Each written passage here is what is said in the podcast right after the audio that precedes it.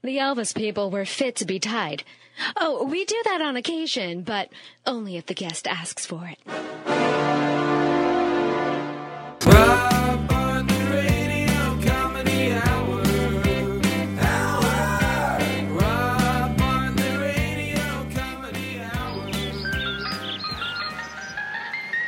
Welcome to the Rob Bartlett Radio Comedy Hour. I am Rob Bartlett, and this is my Radio Comedy Hour.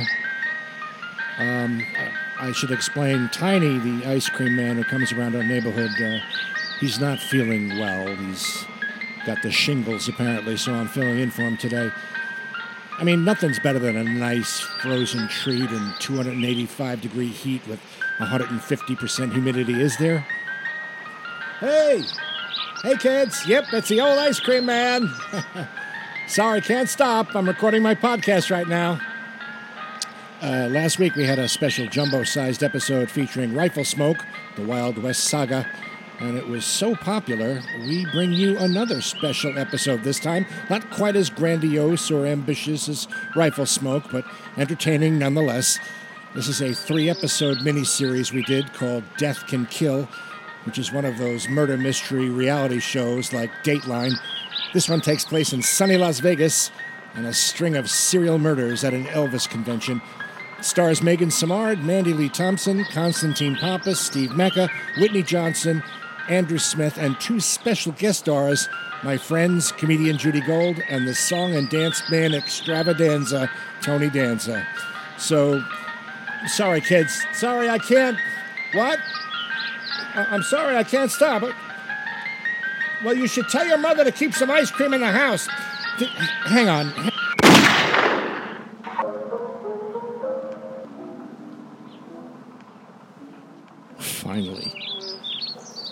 Okay, uh, sit back, relax, and enjoy all three chapters of Death Can Kill, Deader Than Elvis.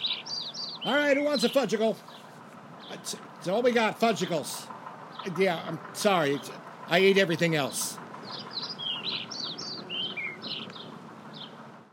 Now, at the very beginning of the show, the first one we did way back, we started off with a reality series, uh, a parody series of murder mysteries based on Dateline and, and Serial, you know, that NPR podcast that was so popular. We called our version Death Can Kill. Join us as we begin another gripping yarn of murder and mayhem. This one set in the City of Lights, not Paris, Las Vegas, deader than Elvis.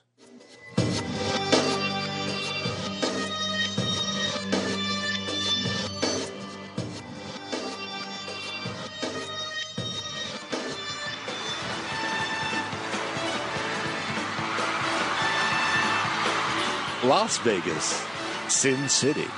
But when 500 Elvis Presley impersonators gathered in Las Vegas for their annual Elvis Impersonator Convention, it was the sin forbidden by the sixth commandment, Thou shalt not kill, that rocked that neon town. There were a lot of suspicious minds when the Marrakesh casino quickly turned into a heartbreak hotel in a case of a hunka hunka burning murder, deader than Elvis.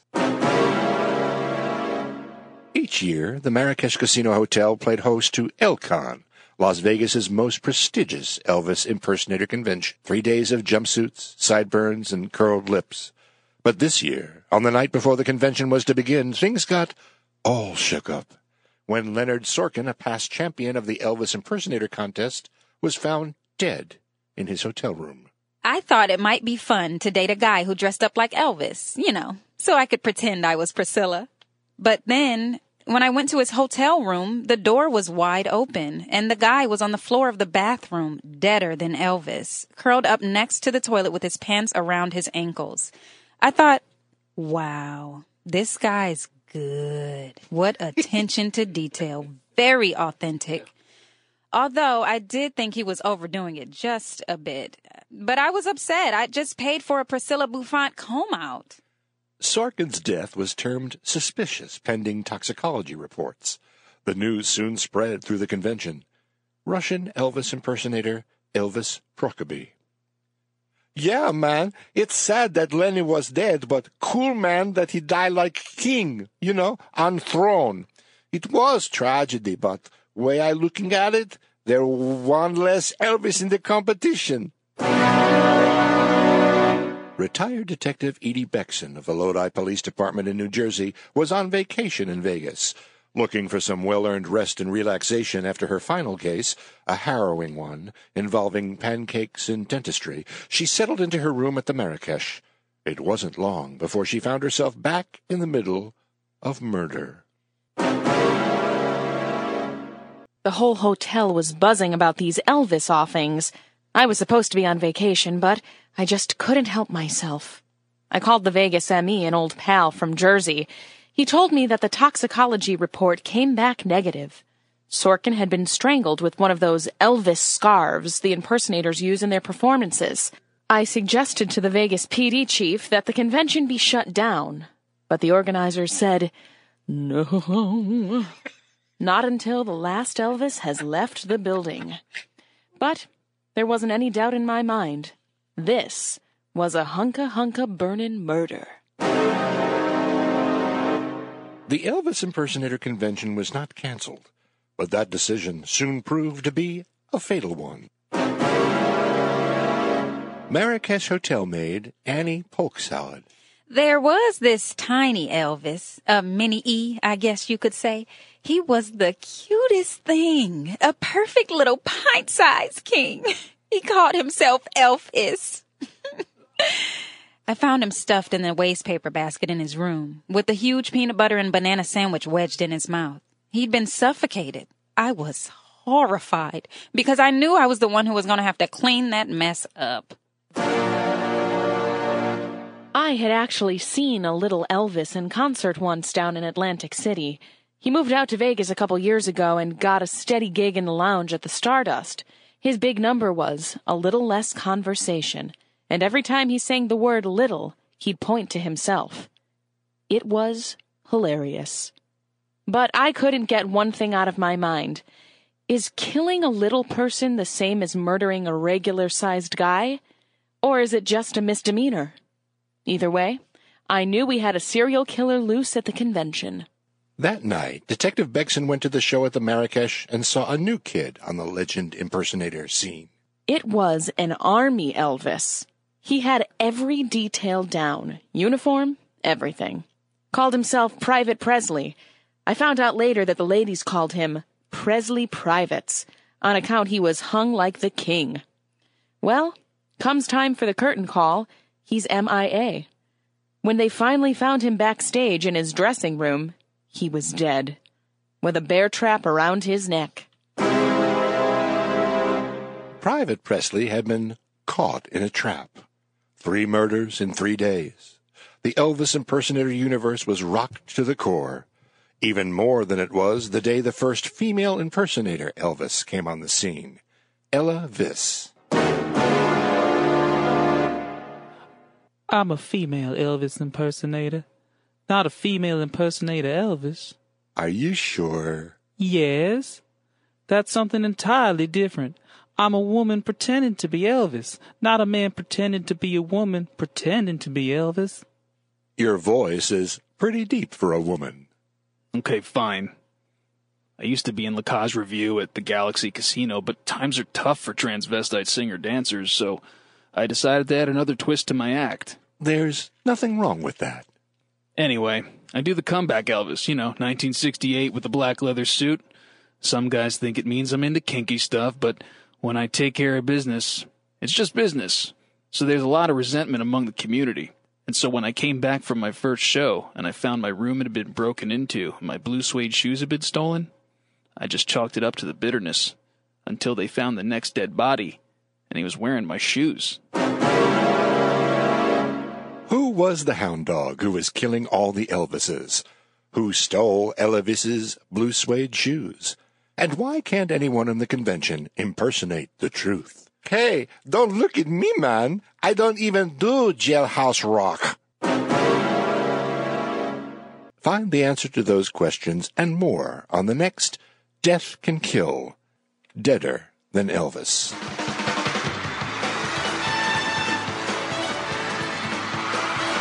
Wow. That's a lot to take in. You could put it that way. I can't wait until next week. she said almost spontaneously.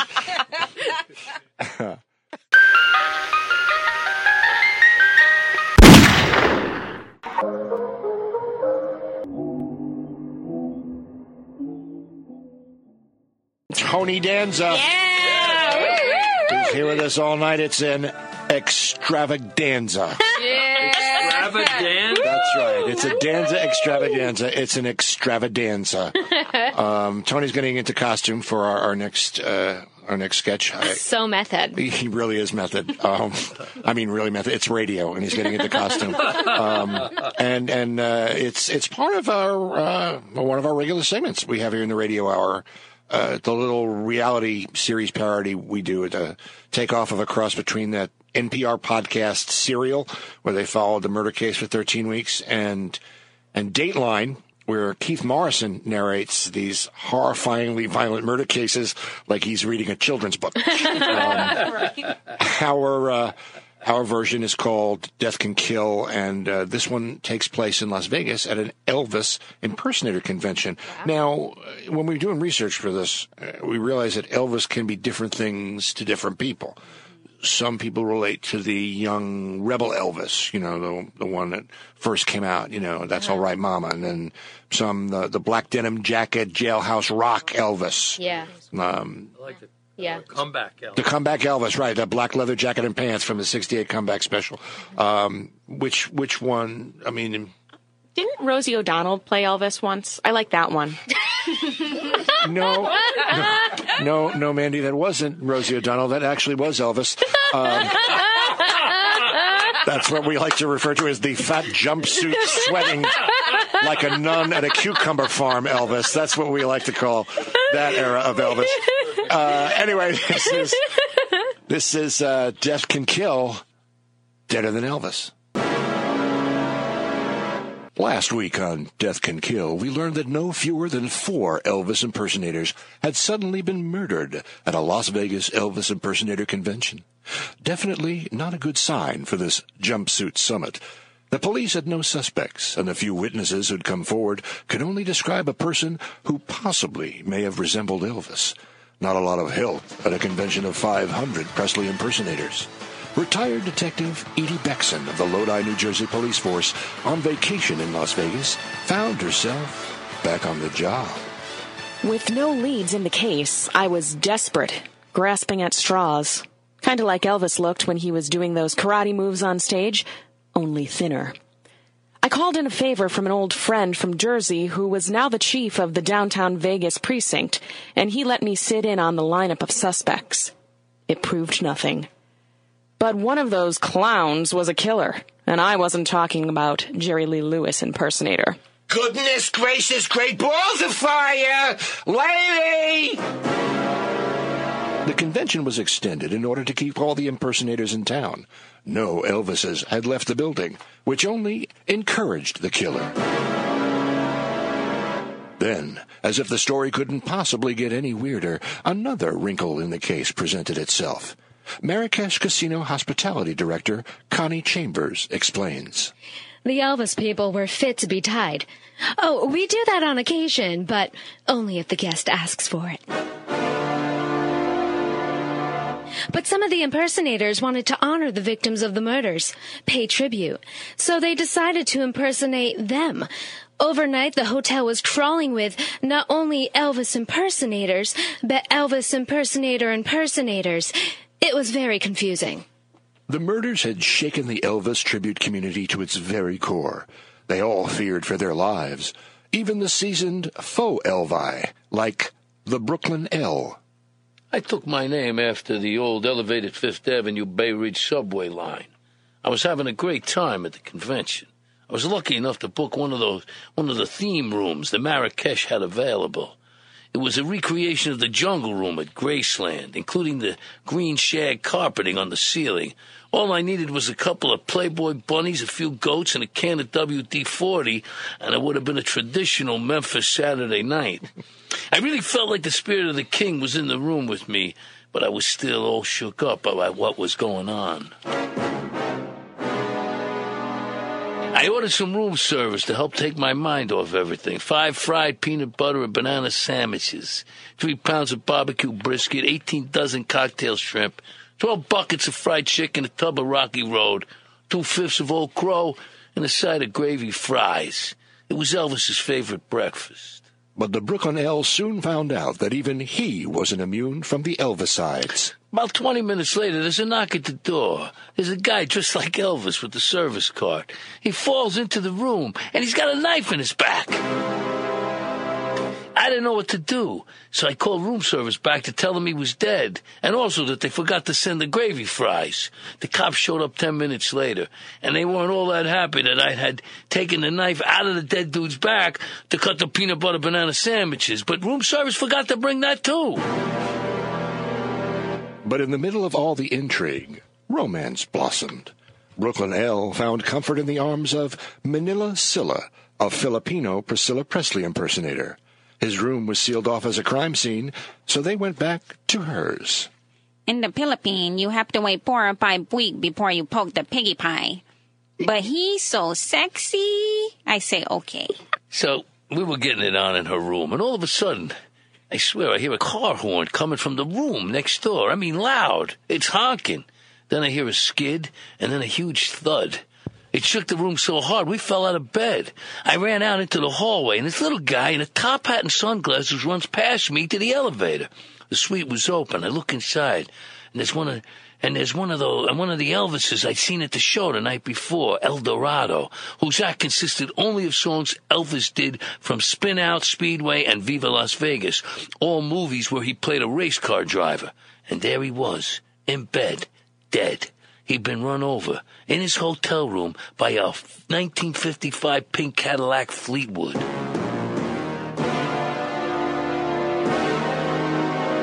The case was now just a jumble of questions.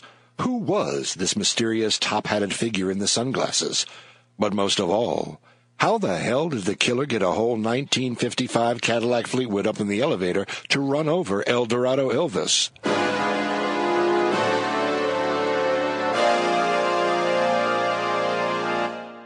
Tune in next time to find out the identity of the Elvis impersonator serial killer when we hear the Brooklyn L say, What if the real Elvis is still alive? I wonder if he'd still be fat. So, Brooklyn, huh? I'm from Jersey. Listen, I'm out here on vacation. You want to grab a drink or something? Uh, sorry, but uh, I'm spoken for, ma'am. Oh, of course. Forgive me. But here's my card. I make a killer fried peanut butter and banana sandwich. The plot is getting thicker than the gravy on the fries the room service guy forgot to bring. By the way, if it were my room service order and he forgot to bring the gravy fries, I would have stabbed him.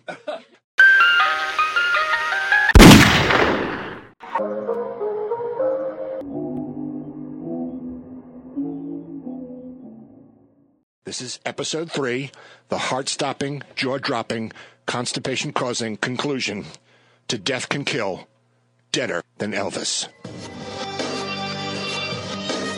Previously on Death Can Kill, a serial killer is on the loose at an Elvis impersonator convention in Las Vegas, racking up bodies faster than the king used to eat a platter of gravy fries. Retired Detective Edie Beckson from the Lodi Police Department, on vacation in Sin City, finds herself, once again, smack dab in the middle of murder.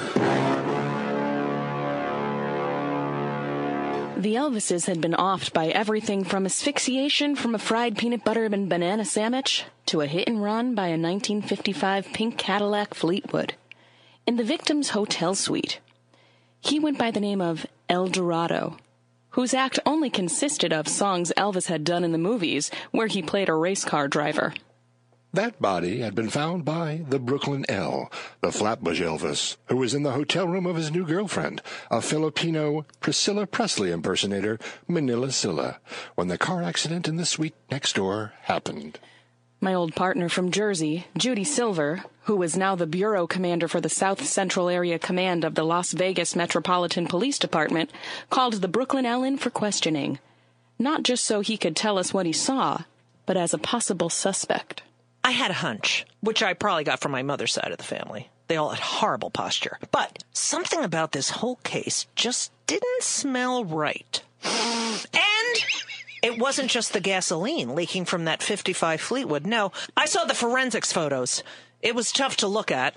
A real tragedy. I mean, that car looked like it was completely cherried out. But Commander Silver was too late. The Brooklyn L had been found dead in his room by his new girlfriend, Manila Silla. He'd been electrocuted. He all burnt up. Looked like a fried chicken. Someone has stuck his pee-pee in the wall socket. I feel very sad. I love him long time. The Brooklyn L's body was found with a chain around his neck, where hung a TCB charm, which has a lightning bolt in the logo.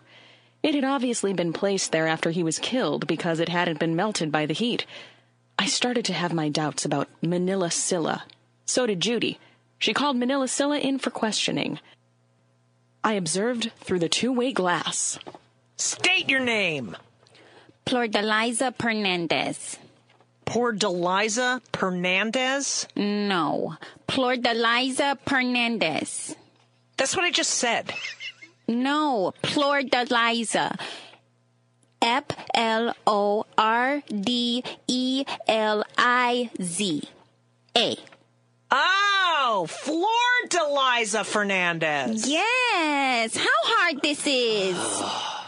But Manila Silla, Flordeliza, Flordeliza Fernandez, had an alibi and was sent home.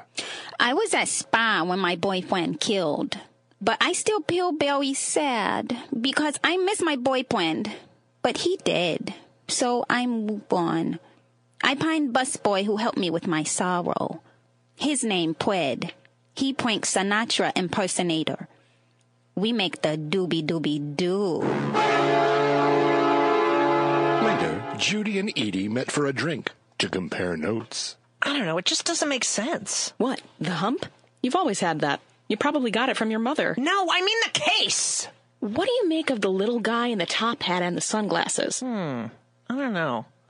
The security camera footage was too grainy to get, you know, a positive ID, but whoever it is, they're Asian. What little Asian guy do you know who wears a top hat and sunglasses? I don't. I mean, not a guy. Oh, wait, but all right, whatever. That sounds like what Yoko Ono to me. Yoko? There's a Beatle Fest at the Marrakesh that starts this weekend. It could be one of the lookalikes from that convention. Let's get the guest list from the hotel desk, see who's registered for the Beatle Fest. Maybe we can find a lead there. You can bring them in for questioning tomorrow. Sorry, can't. Yom Kippur. You do it. I'll be starving. I'll make the squad available to you. So Detective Beckson found the name of one Darlene Jacobson on the Beatlefest guest list. She called her in for questioning, while Chief Silver was in Temple. So, how long have you been imitating Yoko? Most of my life, there's a resemblance. My mother is a Japanese. Where were you on the night the Brooklyn L was killed? You mean when he was electrocuted? How did you know he was electrocuted? That information was not made public. Judy? Where'd you come from? I thought you were going to be in the show. It's Shul, and sometimes solving a murder does take precedence over starving to atone for my sins. And I had a hunch. Not lunch, but a hunch. And not the one I got from my mother. Why'd you do it, Darlene? It was all a performance art piece, just like Yoko. I call it I Feel So Lonesome I Could Die. Cuffer boys! Take her away! Great work, Edie. Thanks, Judy. Kind of ironic, isn't it? What do you mean? Fake Yoko killing all those fake Elvises when the Beatles were the ones who killed Elvis's career? Come on, I'll buy you a peanut butter and banana sandwich. Uh uh, not until after sundown. Yom Kippur, remember? Still fasting. A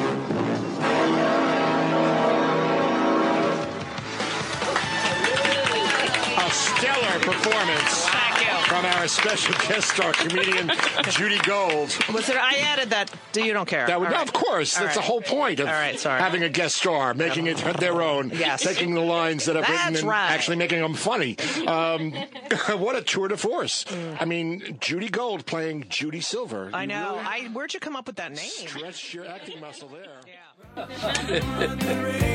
Oh, I hope you enjoyed that. If you want to hear more yuck-filled tsunamis like that one, subscribe to the Rob Bartlett Radio Comedy Hour. Subscribe. Get your friends and family to do it as well. Then you can all listen and meet somewhere for drinks or dinner and talk about it like a book club. If you want to keep up with everything that's going on in the world of Robbio, check out our Rob Bartlett Radio Comedy Hour Facebook page. Follow us on Twitter at The Robbio, on Instagram, Robbio007, and Rob Bartlett Radio Comedy. Drop us a line at Robbio Radio Comedy Hour at gmail.com. Stay in touch. We love to hear from you. Our program is produced by Gary Grant and me, Rob Bartlett.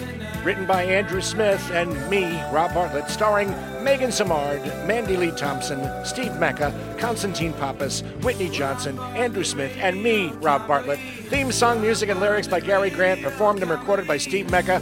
No animals were harmed in the production of this podcast.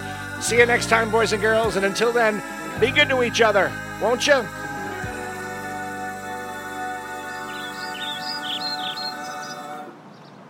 No, there's no more ice cream. No, no. Wait. Go to Baskin Robbins, little bastards.